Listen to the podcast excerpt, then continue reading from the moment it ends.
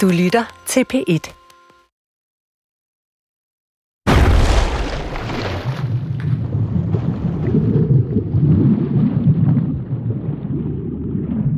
Hvad var der, du så på bunden af havet? Jeg, jeg er faktisk stadigvæk i tvivl. Vi kan godt kalde det en engel. Vi kan også kalde det en eller anden åndelig bevidsthed. Det er det eneste, jeg kan sige. En enormt udviklet bevidsthed. Blottet for negativitet, altså. Og så bare enormt kraftfuldt. Det er sådan, jeg husker det.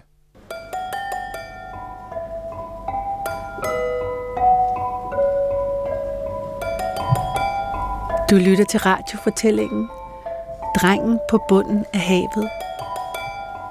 Det er mig, der er tilrettelagt.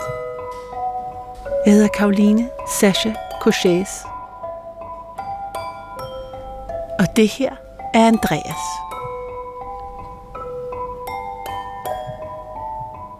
Inden jeg blev født, der byggede mine forældre en sejlbåd. De var faktisk på forsiden af, jeg tror det var Ekstrablad eller BT.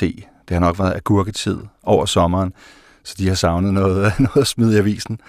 Men fordi mine forældre var, var de første, som byggede deres egen båd af sådan en type cement, der hedder Faro-cement, så var det åbenbart nyhed nok til, at de øh, fik en, en stor artikel i BT eller Ekstrabladet og kom på forsiden.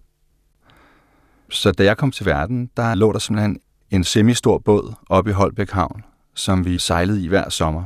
Altså, så langt jeg kan huske tilbage, så var det det, vi gjorde om sommeren.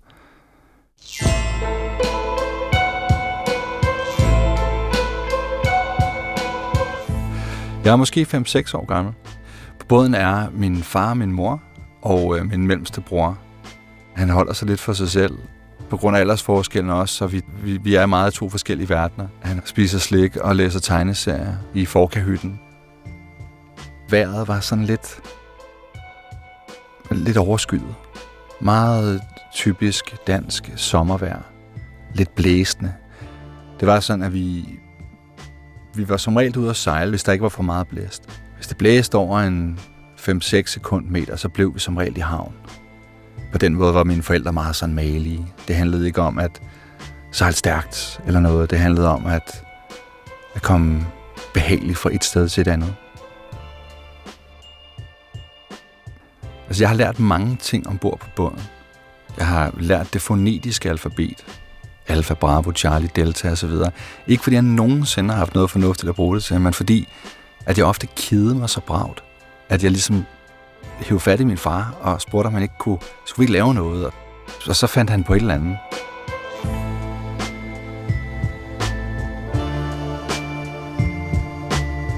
Så min far han har fået den her idé om at lave en papirsbåd til mig, og jeg, jeg er meget begejstret. Vi sad i cockpittet. Cockpittet, det er sådan det bagerste af en båd. Det er der, hvor, hvor roret sidder. Der laver han en, en ret stor papirsbåd. Det kunne jeg ikke selv lave på det her tidspunkt. Den laver han af en avis. Det har formentlig været politikken, fordi det var den avis, de, øh, de læste. Det kan også godt have været BT eller Ekstrabladet, fordi øh, når vi var ude at sejle, så var det tit lige den, så røg den måske med fra bæren, ikke? Men den blev i hvert fald lavet i en avis, så jeg husker det som ret stor papirsbåd. Der havde så stor en størrelse, at man også kunne tage den på hovedet. Som sådan en papirshat. Og han binder en fiskeline i. Det er jo det, der er det fede. Det er, det er ikke bare en papirsbåd. Nej, det her det er en papirsbåd med en fiskeline i. En lang fiskeline, som vi vikler rundt om en pind. Så jeg kan altså styre den her båd. Jeg kan ligesom smide den i vandet, og så kan jeg trække den ind igen.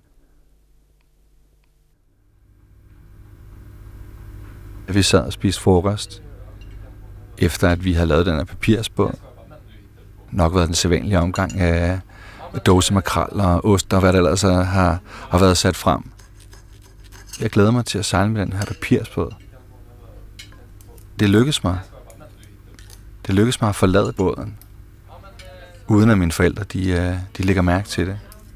Når jeg tænker over det, er det egentlig underligt, at de ikke lægger mærke til det, men jeg har i hvert fald ikke fået redningsfest på.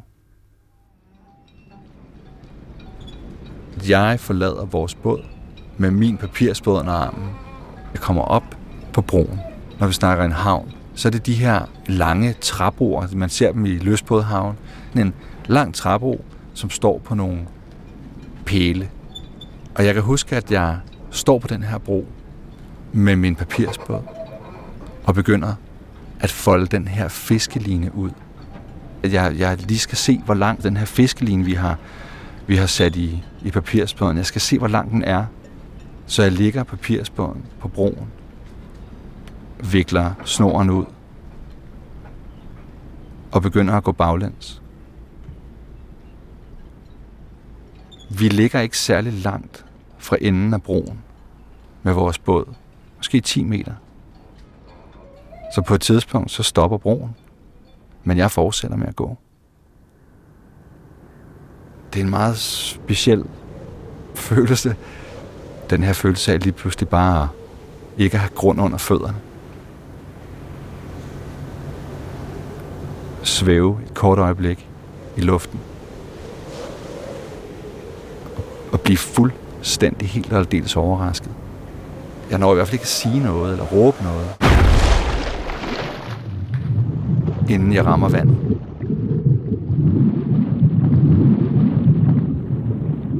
Det føles mørkt. Som at det er mørkt at komme ned under overfladen. Mørkt og sådan ret koldt. Og jeg er i en tilstand af fuld. Altså jeg er i panik. Jeg, jeg, er i hvert fald, jeg har i hvert fald hovedet under vandet med det samme, og jeg, og jeg er enormt forvirret. Og enormt bange at jeg skriger under vandet. Boblerne, de bruser ud af mig. Det her, for det her skrig, som jeg jo ikke rigtig kan høre, fordi det er under vandet. Jeg kan huske, at jeg fægter rundt med armene. Der går lidt tid, så, så begynder jeg sådan at fornemme, hvad der er op og ned. Og så arbejder jeg. Så knokler jeg. Så skal jeg bare op. Og jeg har ikke rigtig sådan for alvor lært at svømme på det her tidspunkt. Så det er meget den her hundesvømningsagtige teknik, der ligesom jeg benytter mig af her under vandet. Ja. Men på et tidspunkt sker der et, stort skift. Det er, det er som om, jeg forstår bare, at jeg ikke kommer op. Jeg kan godt se, at jeg ikke nærmer mig overfladen og at kampen på en eller anden måde bare er frugtesløs. Og med den her erkendelse af, at jeg ikke kommer op, der falder jeg på en eller anden måde til ro. Der er et eller andet, der giver slip.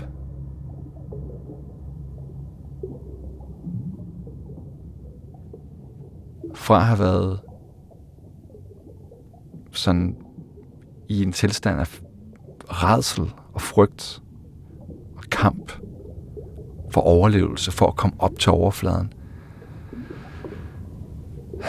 så er der et eller andet, der bum, giver helt op. Jeg husker det som om, at, at frygten den bare forsvinder. Sådan. Og at jeg glider ind i, en, i sådan en anden tilstand. Jeg er ligesom bare. Og det er der, at jeg lader mig jeg lader mig synke ned til bunds og sætter mig på sandbunden.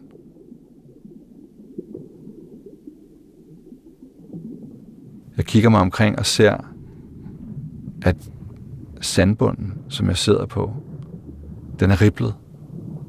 Ligesom bølger. At jeg ser mig omkring, og jeg kan huske, at jeg ser den her. Jeg sidder ret tæt på, på en af de her store pæle, som holder broen op. Der er tang på pælen, som står og bølger i vandet. Kan jeg se en, en, en, en lille fisk. En hundestejle sikkert. Sådan en helt lille en.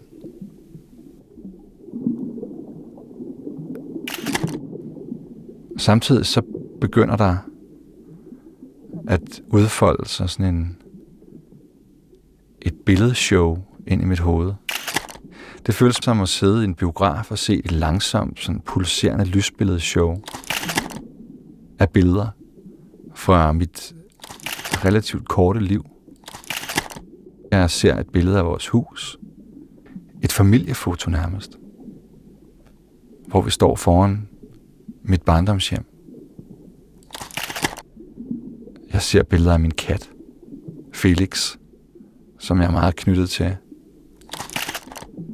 Det er som om, jeg siger farvel til de her mennesker og steder. Den her lille verden, som jeg som er min, min verden på det her tidspunkt. Fra et sted foran mig, under vandet, kommer en ja, en sky rullende hen mod mig. En sky, der har en hvidhed, som er lysende. Den, den er fuld af lys, den er fuld af ild. Men det er jo ikke en ild, der brænder. Det er ikke en ild, der blænder. Det er sådan en... Det er sådan en... Hmm. Det er en blød, kraftig, hvid, ikke blændende ild. Den tager form af vandet, og den bølger hen mod mig.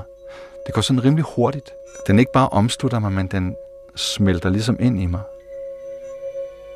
Den smelter ind i mig og opfylder mig med en, men med en helt vild energi. det er ikke bare en, en sky, det her. Det er en, det er en bevidsthed. Og det er en bevidsthed, der taler med sådan ord, der bare går helt og dels ind i mig. Øhm, den, den, den, den trøster mig. Den her bevidsthed, den fortæller mig det, jeg har allermest behov for at vide. Jeg kan ikke konkret huske sætningerne, fordi det er vidderligt som om, at der er mange sætninger på samme tid. At den bare fortæller mig lige præcis, hvad jeg har behov for at høre. Under, under alt det her, der er bare sådan en, en latter, som er fuldstændig utæmmelig. En, en ekstatisk energi, som er sådan lutter positiv, lutter opløftende. Og det sidste, jeg husker, det er, at jeg på en eller anden måde bare bliver et med den her, med det her væsen, med den her vibration. Mit eget sind, eller mig, det jeg er, det smelter fuldstændig ind i det her. Det er en enorm omfavnelse.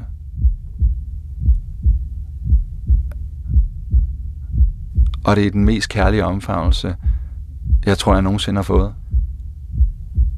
Og det er ligesom, det er det. Derfra kan jeg ikke huske mere.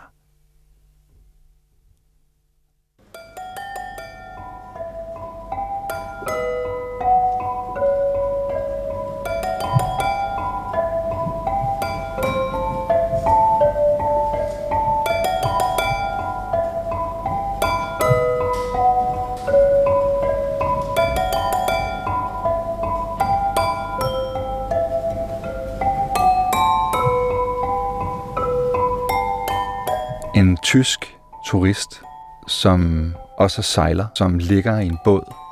Hun har bemærket, at, at jeg er forsvundet, og derfor har hun begyndt at råbe. Der er et barn i vandet på tysk. Jeg er ikke så god til tysk, men det må være noget med junger en Wasser eller noget. Måske fordi det er lidt dårligt vejr, der faktisk ikke så mange mennesker ude på broerne. Men alligevel er der blevet sat gang, ifølge mine forældre, sat gang i en eller anden form for støj, som gør, at de får spidset ører og hører noget med en dreng, der er faldet i vand, og skynder sig op på broen.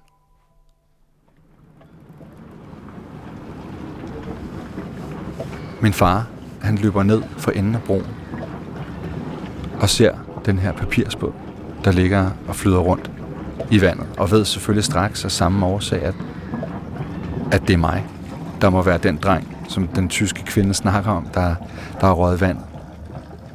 Han siger selv, at han ligesom, at den her papirsbåd jo kommer til at være som sigtekorn. Han hopper i vandet så tæt på den som overhovedet muligt. Det er et ret dybt havnebassin. Måske er der en 6-7 meter. Det er i hvert fald ret mørkt. Men fordi at jeg den dag har hvidt tøj på, fordi jeg har hvide tennissokker, hvide sko, hvide shorts, hvid t-shirt på, så ser han i det her mørke en ulmende prik, som han styrer efter. Og det er så mig. Da han kommer tæt på, kan han se, at jeg ligger i drukne stilling. Jeg ligger ligesom ja, med hovedet sådan mod jorden, eller jeg er bevidstløs, da min far han, han ser mig. Jeg hænger under min øh, fars arme og er på vej op mod overfladen. Jeg kan ligesom fornemme det der lys, der kommer tættere på. Lyset fra dagen. Af mit hoved, det uff, kommer op igennem vandspejlet. Jeg bliver sådan nærmest kastet op på broen. Der er nogle mennesker, der står deroppe. Ja. de vender mig på hovedet, tager fat i mine ben og holder mine ben oppe. Og så kan jeg huske, hvordan at jeg sådan kaster vand op. Brækker, øh, eller sådan kaster en masse vand op. Jeg er helt forvirret. Jeg sådan råber, er jeg død nu? Er jeg død nu?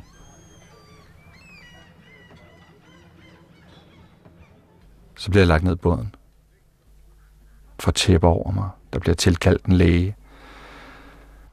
Jeg ligger her under det her tæppe, og begge mine forældre sidder og kigger på mig.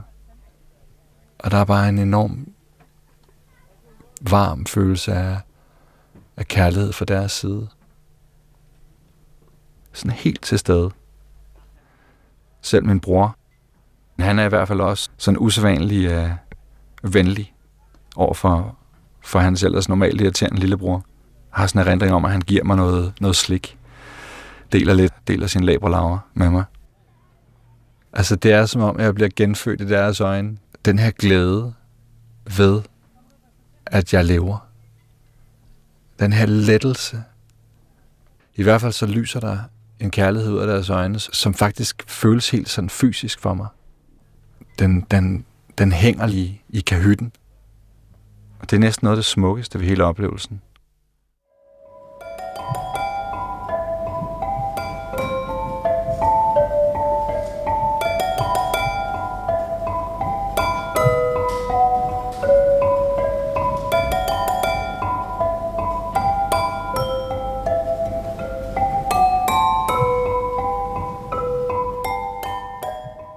Næste dag, jeg kan huske, at vi, at vi tager på stranden. Mine forældre, de er meget opmærksomme på, om jeg er bange for vand oven på den her oplevelse.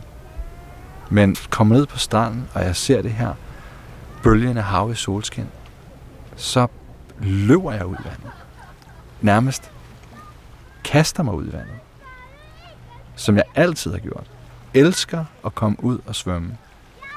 Der er ikke nogen frygt forbundet med, med vandet.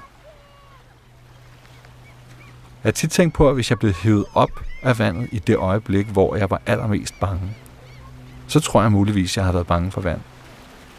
Men fordi jeg netop kommer igennem de andre stadier, så har vandet ikke nogen... Det bliver ikke noget, jeg er bange for. Det er tværtimod noget, jeg er ret tryg ved. Der er, det er ikke noget, jeg snakker om. Jeg taler slet ikke om den her oplevelse her. Måske fordi, at jeg faktisk forsøger at gøre det en enkelt gang. Det må være en af de første dage på min nye fritidshjem. Jeg står i en af de her stuer og leger med Lego eller nogle biler. Det husker, jeg står ved siden af en anden fyr. Og jeg prøver at fortælle ham om den her oplevelse, jeg har haft. Og lige der, der har jeg behov for at sige noget om det her. Og der kan jeg simpelthen huske, at han... Det er som om, han slet ikke altså han kan slet ikke forholde sig til det. Sådan, hm, mm, ja, hvad? Ja, så leger vi bare videre. Så jeg har det som om, jeg taler fuldstændig forbi ham. Det her, det, det er for underligt. Det er ikke rigtig noget, nogen kan forstå. Det er ikke, det er ikke rigtig noget, som jeg skal fortælle nogen, den her oplevelse her. Den bliver fortrængt af alle mulige andre ting. Det er først, da jeg er altså ung voksen, at den vender tilbage for fuld knald.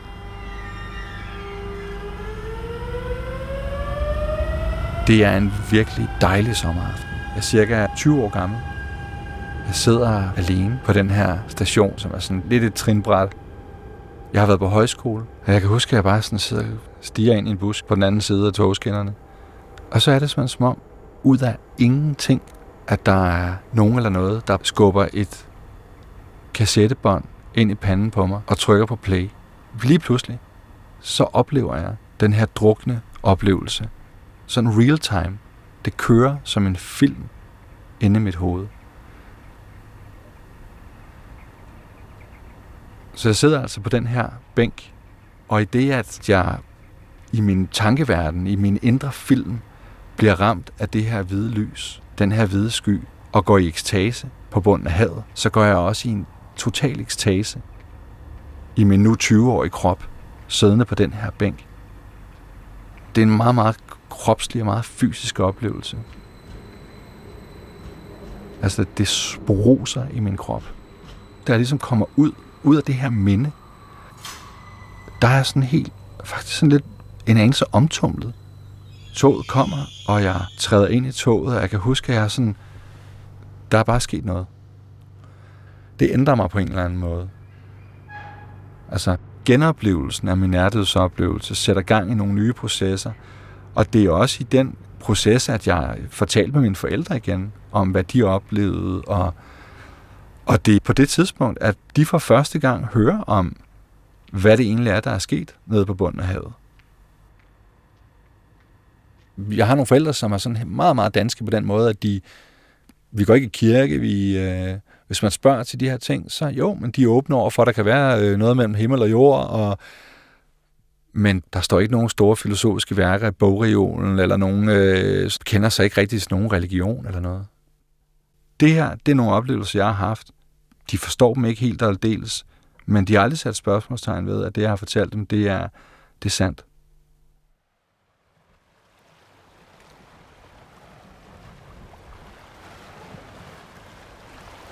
Torbæk skole er placeret lige ud til vandet, stort set. Den ligger ud til havnen, som er en lille løsbådhavn. Jeg har sejlet til havnen en del gange, og jeg har altid tænkt, den der skole, den ligger det mest fantastiske sted. Altså, wow. Der er havudsigt fra stort set alle klasselokaler. Kan man se ud på Øresund, Sverige over på den anden side, og Venen. Og altså, jeg søgte jobbet i sin tid, fordi at skolen lå, hvor den lå hvis man har en dag, og det har man tit som lærer, hvor der er total knald på, og, og man er oppe i et højt gear, så bare det at kunne sætte sig ned i, i den bløde stol på lærerværelset og, og lade øjnene hvile, bare se ud over havet, det, det er en enorm beroligende ting for mig.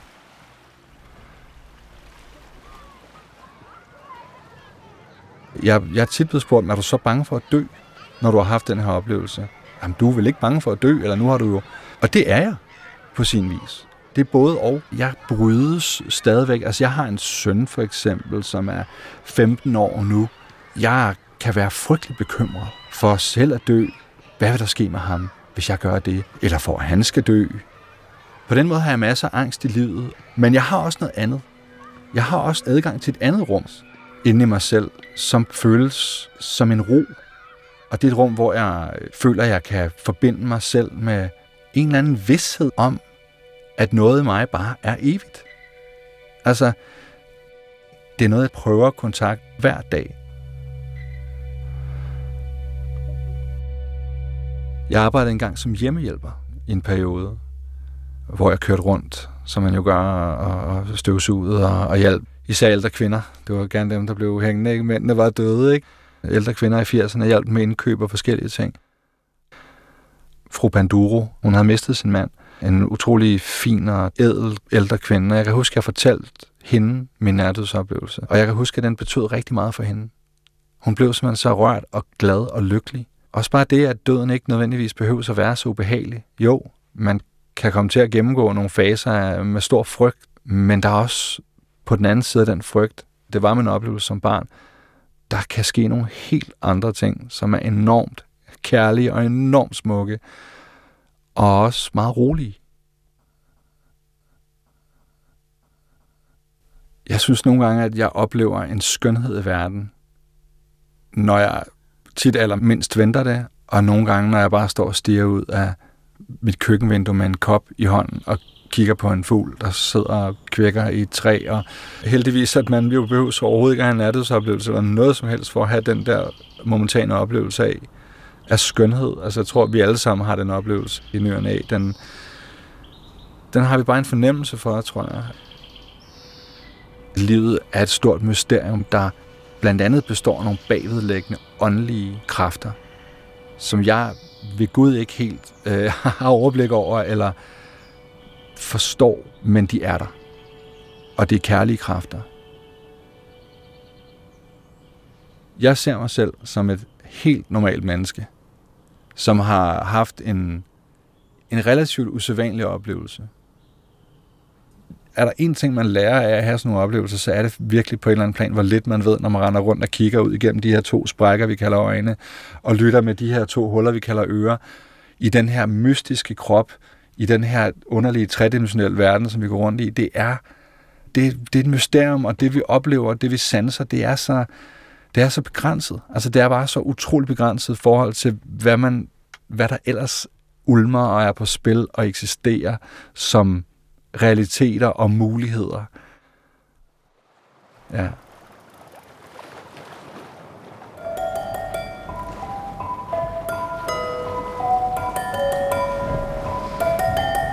Du har lyttet til radiofortællingen Drengen på bunden af havet med Andreas Skovby Hansen.